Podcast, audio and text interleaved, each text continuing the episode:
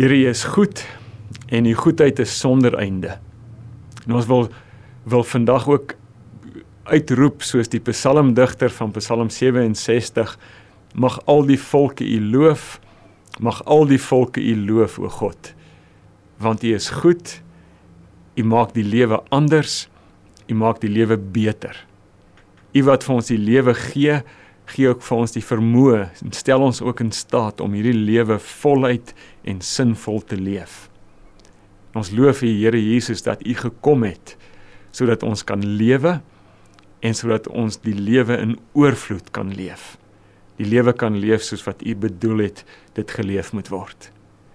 Dankie vir die woord, vir die Bybel. Dankie vir U Heilige Gees wat vir ons vertel en wat vir ons vorm om die lewe te kan leef soos wat U bedoel het. En dankie dat ons vandag uit hierdie pragtige Psalm kan lees. Kom ook Here en praat met ons vandag deur die werk van u Gees deur hierdie Psalm. Kom leer vir ons hoe om te lewe in Jesus se naam. Amen. Ons is besig met 'n reeks en die reeks se naam is iets soos my gunsteling Psalm. Nou moet ek daar dadelik bely en erken ek het nie net een gunsteling Psalm nie, ek het baie gunsteling Psalms. Miskien moet ek sê die Psalm boek is my gunsteling deel in die Bybel, maar ek wil vandag lees uit een van my gunsteling psalms en dit is Psalm 16. Psalm 16 ek gaan van vers 1 lees tot by vers 11. 'n Gedig van Dawid. Neem my in beskerming o God, ek soek skuilings by U. Hierdie psalmdigter het beleef hoe sy vyande op hom toesag, hoe sak, hoe dit sleg gaan met hom. En dan skryf hy na aanleiding van hierdie slegte situasie, skryf hy hierdie psalm vers 2 ek het vir die Here gesê ek behoort aan u daar is vir my niks goeds nie behalwe by u die afgode in die land so aantreklik vir baie met hulle wil ek niks te doen hê nie mag elkeen wat 'n ander god vereer baie smart beleef vir afgode sal ek nie bloedoffers uitgiet nie hulle name sal ek nie op my lippe neem nie Here u is my lewe u sorg vir my wat ek ontvang kom alles van U af. 'n Pragtige deel is vir my afgemeet. Ja, wat ek ontvang het is vir my mooi. Ek sal die Here loof wat my tot die regte insig gebring het. Selfs in die nag bly ek bewus van wat hy my leer. Ek het die Here altyd by my. Omdat hy by my is, sal ek nie struikel nie. Daarom is ek bly en juig ek en voel ek my veilig U gee my nie oor aan die dood nie. U laat u troue dienaar nie in die graf kom nie. U leer my hoe om te lewe. By u is daar oorvloedige blydskap. Uit u hand kom net wat mooi is.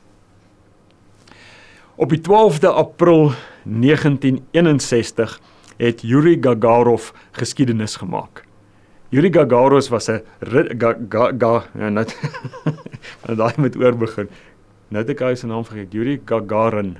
Yuri Gagarin. OK, kan ek net by die 11de kan ek net daar begin. Ja, 12. Op die 12de April 1961 het Yuri Gagarin geskiedenis gemaak. Hy het op daardie dag die eerste mens geword wat in die ruimte gevaar het. En toe hy terugkom op aarde, het hy natuurlik verskeie perskonferensies gehad en daar word vertel dat by een van hierdie perskonferensies het hy die volgende uitlating gemaak. Hy het gesê I looked and I looked and I didn't see God. Met ander woorde, ek het in die ruimte rondgekyk. Ek het gekyk so ver as wat ek kon sien. Ek het gesoek, maar ek kon God nêrens kry nie. God was nêrens nie. En nou is daar dalk vandag mense wat sal sê Ek hoef nie in die ruimte te gaan rondvaar om by hierdie gevolgtrekking uit te kom nie. Daardie dag toe ek my werk verloor het, het ek God nie gesien nie. Was God nie teenwoordig in my lewe nie, het ek nie sy teenwoordigheid beleef nie. Of daardie dag toe my man oorlede is, het ek God nie gesien nie. Die dag toe my huweliksmaat sy rug op my gedraai het en by die huis uitgestap het finaal, het ek God nie beleef nie het ek niks van God gesien nie. Of iemand sal dalk sê toe ek op die kruin van sukses gery het, het ek God nie gesien nie. Al wat ek gesien het was my harde werk en my talente en my inspirasie. Maar ek het God nie gesien nie. En soos 'n mens kon aangaan, daar's geleenthede in mense se lewens waar hulle God nie beleef nie, waar hulle God nie ervaar nie. Dis dis dis woorde hierdie wat ons rondom ons hoor. Dis woorde hierdie wat baie keer hier in ons harte sit en dan net baie keer het ons die het ons die moed om hierdie woorde hardop te sê. Toe die lewe my tref, toe die lewe met my gebeur, het ek God nie gesien nie. Maar hierdie psalmdigter praat van iets anders. Hierdie psalm het psalmdigter het iets anders beleef. In hierdie psalm het ons net nou gesê, is hy in 'n krisis. Hy word onderdruk deur sy vyande, mense wat God afgodsdienaars is, onderdruk hom, maak die lewe vir hom moeilik. Maar hoor dan wat sê hy? Hy sê in vers 2, ek behoort aan die Here. Vers 5, Here, U is my lewe. Nou nou by vers vers 7, in die nag selfs bly ek bewus van U. Vers 8 sê hy, ek het die Here altyd by my. Hierdie hierdie psalmdigter beleef dat God altyd by hom is. En dis God se bedoeling met jou en my lewens. Dat daar nie tye in ons lewe sal wees wanneer dinge met ons so sleg gaan of so goed gaan dat ons hom nie beleef nie. God se bedoeling is dat ons elke oomblik bewus sal wees daarvan dat hy by ons is, dat hy naby ons is. Dat hy dat hy in die donkerste diepste put by ons is, maar dat hy ook op die hoogste kruin van sukses by ons is. Hierdie psalmdigter het dit beleef en God wil hê ek en jy moet dit altyd beleef dat hy teenwoordig is in ons lewens. Here, selfs in die nag, sê hierdie psalmdigter, bly ek bewus van U. U is altyd by my. God wil hê ek en jy en jy daar waar jy nou is in die slegste plek waar jy jou kan indink dalk. God wil hê jy moet beleef hy's by jou teenwoordig.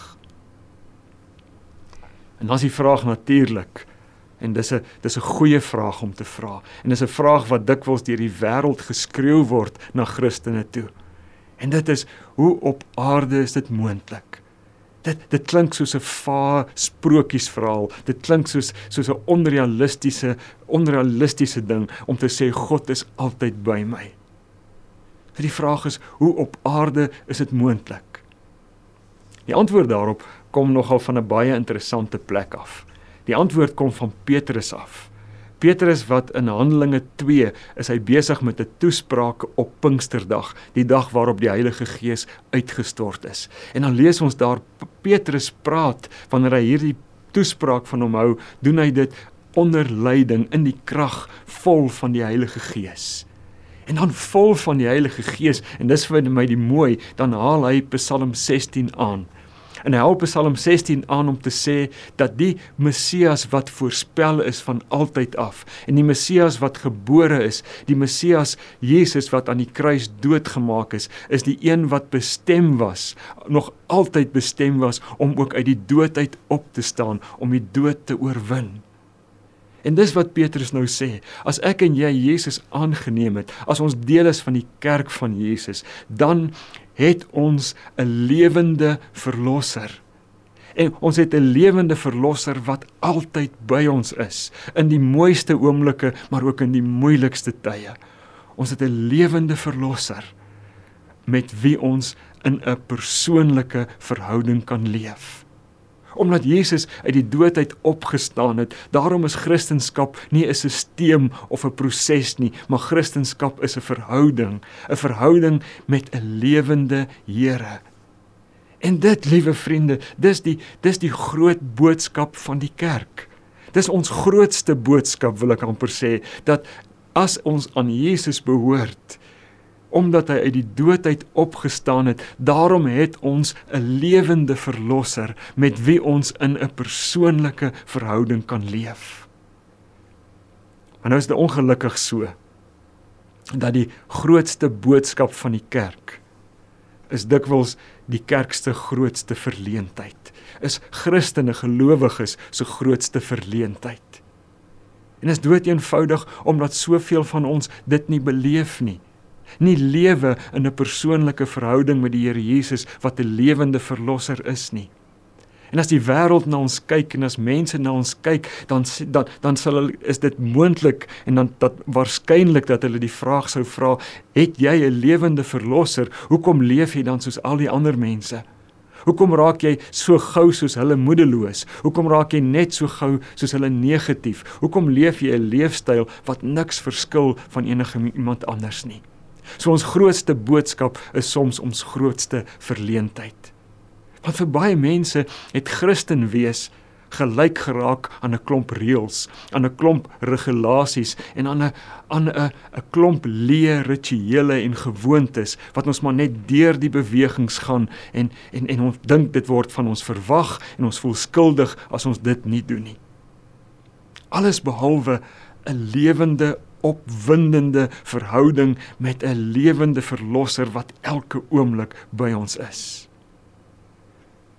hierdie Psalm psalmdigter het dit anders beleef. Hy het beleef dat hy lewe elke oomblik in die nag en in die dag, in die goeie tye en in die slegte tye, lewe hy voor die gesig, die vriendelike goeie gesig van 'n goeie Vader wat goeie bedoelings met sy mense het. En as ek en jy aan Jesus behoort, dan kan ek en jy bewus wees daarvan. Dan kan ons bewus wees in elke situasie, voor elke besluit, voor elke keuse, voor elke kruispunt kan ons bewus wees daarvan dat die lewende Here by ons is. Omdat hy uit die dood opgestaan het, is hy elke oomblik lewend, kragtig teenwoordig by sy kinders. Elke situasie. Maar dan belangrik om te onthou as as God by ons is, as die lewende opgestane Jesus by ons is, dan is hy nooit maar net op 'n passiewe manier as 'n toeskouer by ons nie. Hy staan nie of sit nie eenkant en kyk hoe ons sukkel en hoe ons sink en hoe ons swaar kry nie. Hy hy hoe ons sondig selfs nie. Hy's aktief betrokke in ons lewe. Hoor hoe mooi sê vers 8 dit. Hy sê ek het die Here altyd by my. Hierdie opgestane Here Jesus is elke oomblik by my en dan omdat hy by my is, sal ek nie struikel nie. Jy sien Jesus die opgestane Here, die lewende Here se teenwoordigheid by my het 'n impak op my lewe. Dit bepaal my optrede en in hierdie geval baie spesifiek, dit bewaar my van sonde. En as jy nou vra, soos wat ek vir myself gevra het, maar hoe werk dit? Hoe hoe is hoe hoe werk dit prakties? Kom ek verduidelik dit vir jou met so een of twee voorbeelde. Ek praat nou eendag met 'n jong man wat vir my hierdie ding sê. Hy sê hy kan homself nie indink. Hoe kan 'n mens stilte tyd hou Met ander woorde in stilte by die Here sit, met die Here praat, na die Here luister deur sy woord en in die onderleiding van die Heilige Gees en dan nadat jy stilte tyd gedoen het en jy gehou het en jy het jou Bybel toegemaak en jy staan op, dan gaan maak jy jou laptop of jou selfoon oop en jy kyk pornografie. Hy sê hy kan dit nie verstaan nie. En dis en dis die punt wat hierdie psalmdigter maak in die teenwoordigheid, wanneer ek bewustelik leef in God se teenwoordigheid, dan bepaal hy my optrede. Dan bewaar hy my van struikeling, dan bewaar hy my van sonde. Nog 'n voorbeeld. As jy as jy voor die Here buig in, in gebed en jy bid, Here, wees met hierdie persoon, jy bid vir iemand spesifiek, soos die ou mense mooi gesê het, jy dra daardie persoon op aan die troon van God jy's in verhouding met die Here, jy leef, jy bid hier in sy teenwoordigheid. Dan sê dan is dit amper wil ek sê onmoontlik om van jou knieë af op te staan en daai mens te gaan beskinder of te gaan kwaad praat van daardie persoon. Jy sien die punt wat hierdie psalmdigter maak is as jy in die teenwoordigheid van God leef as jy voor die gesig van jou Vader leef As jy bewus is die lewende Here is teenwoordig by jou en in jou, dan bepaal dit jou optrede. En daarom het ek en jy nodig om onsself te oefen daarin om onsself te oefen om bewustelik in die teenwoordigheid van die Here te leef of om net bewus te wees daarvan dat die Here elke oomblik by ons is. Daar's 'n pragtige boek 'n klomp jare terug geskryf met die woord practice the presence of Christ. Oefen jou daarin om bewus te wees dat die lewende Here elke oomblik by jou is. Want dit bewaar jou van struikel. Maar hierdie psalmdigter sê nog nog 'n ander ding ook. Hy sê dit bewaar ons nie net van sonde nie, maar dit gee ook rigting aan ons lewe. Ons lees dit in vers 7. Daar sê hy uh, ek die Here bring my tot die regte insig. Ek bly tot in die nag bewus van wat hy my leer. Vers 11 sê hy: Here, U leer my hoe om te lewe. Jy sien omdat omdat die Here wat by ons is en in wie se teenwoordigheid ons is, 'n lewende Here is. Daarom kan ek elke oomblik van die dag met hom praat, selfs elke oomblik van die nag met hom praat. En en as ek met hom praat, dan luister hy want hy's 'n lewende Here wat naby is en hy praat met my, hy kommunikeer met my.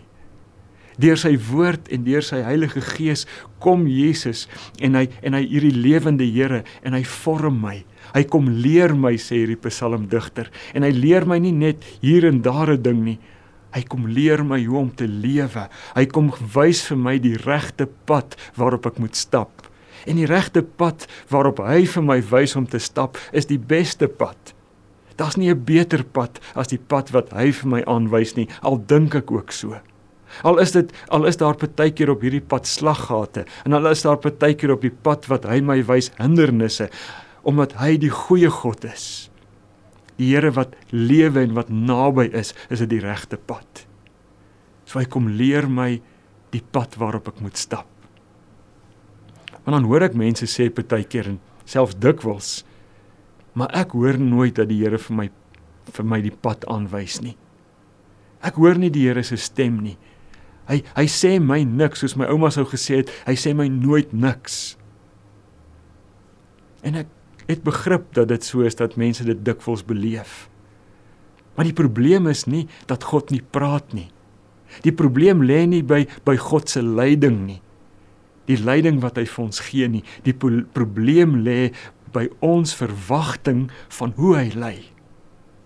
Ons dink ons kan aankarring met die lewe. Ons kan op ons eie aangaan. Ons kan God ignoreer en ons kan net lewe soos wat vir ons die beste lyk en soos wat vir ons gemaklik en gerieflik is. En dan wanneer daar 'n 'n kruispunt kom of 'n groot besluit is wat ek moet neem of daar's 'n duike krisis op en nou moet ek 'n besluit neem daaroor. Nou het ek die Here se leiding nodig, dan check ek net by hom vinnig in.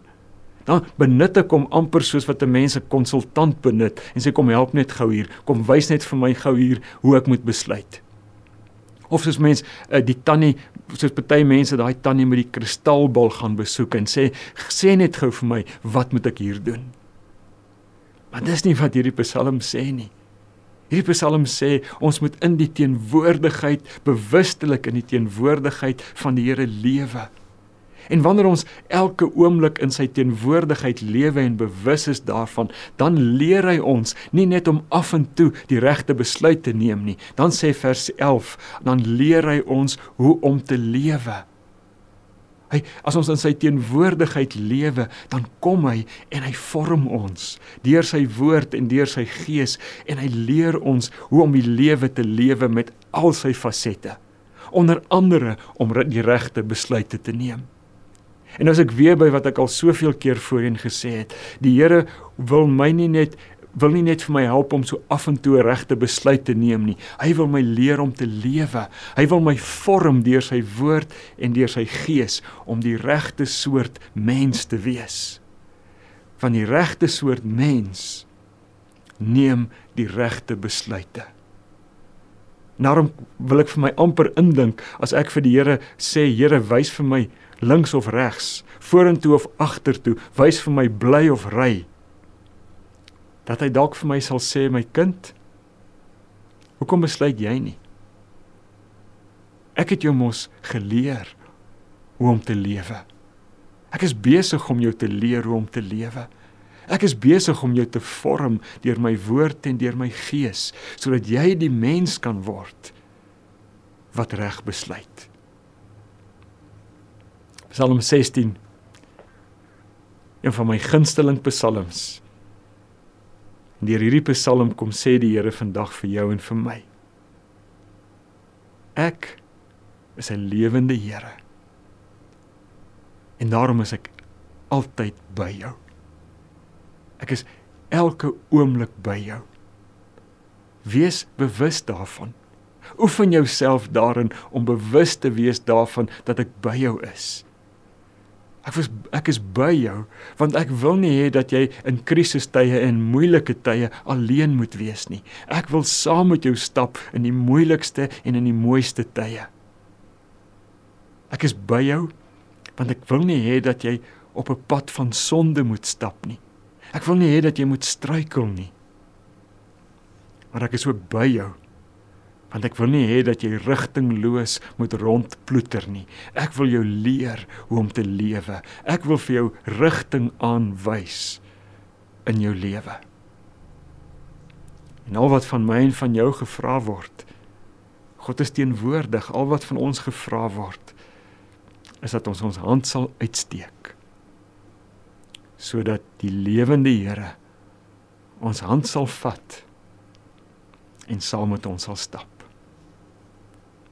Amen.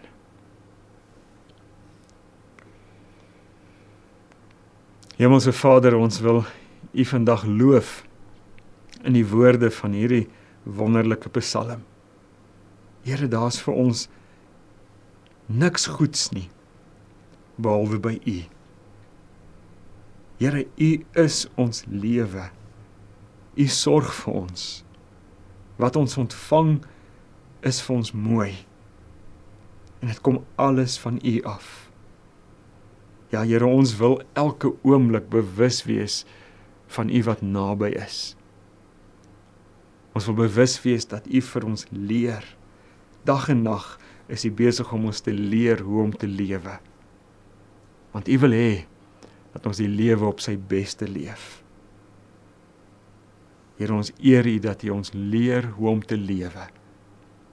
En daarom loof ons U Here Jesus as die een wat soos Petrus daar in Handelinge 2 gesê het ook, die een is wat opgestaan het uit die dood. En daarom kan ons bewustelik leef in die teenwoordigheid van 'n lewende Here. Here en vandag wil ek bid vir elkeen wat in 'n situasie sit waarin hy of sy rondkyk en beleef ek sien God nie. Hy's nie naby nie. Hy's in hierdie krisis is hy afwesig of onsigbaar. Bid Heilige Gees dat u geestesoë sal oopmaak dat ons sal sien deur die Heilige Gees sal sien dat die lewende Here in die haglikste omstandighede by ons is. Kom dan Here Jesus en bepaal ons optrede. Kom leer ons, kom lei ons en kom wees net by ons. In Jesus se naam.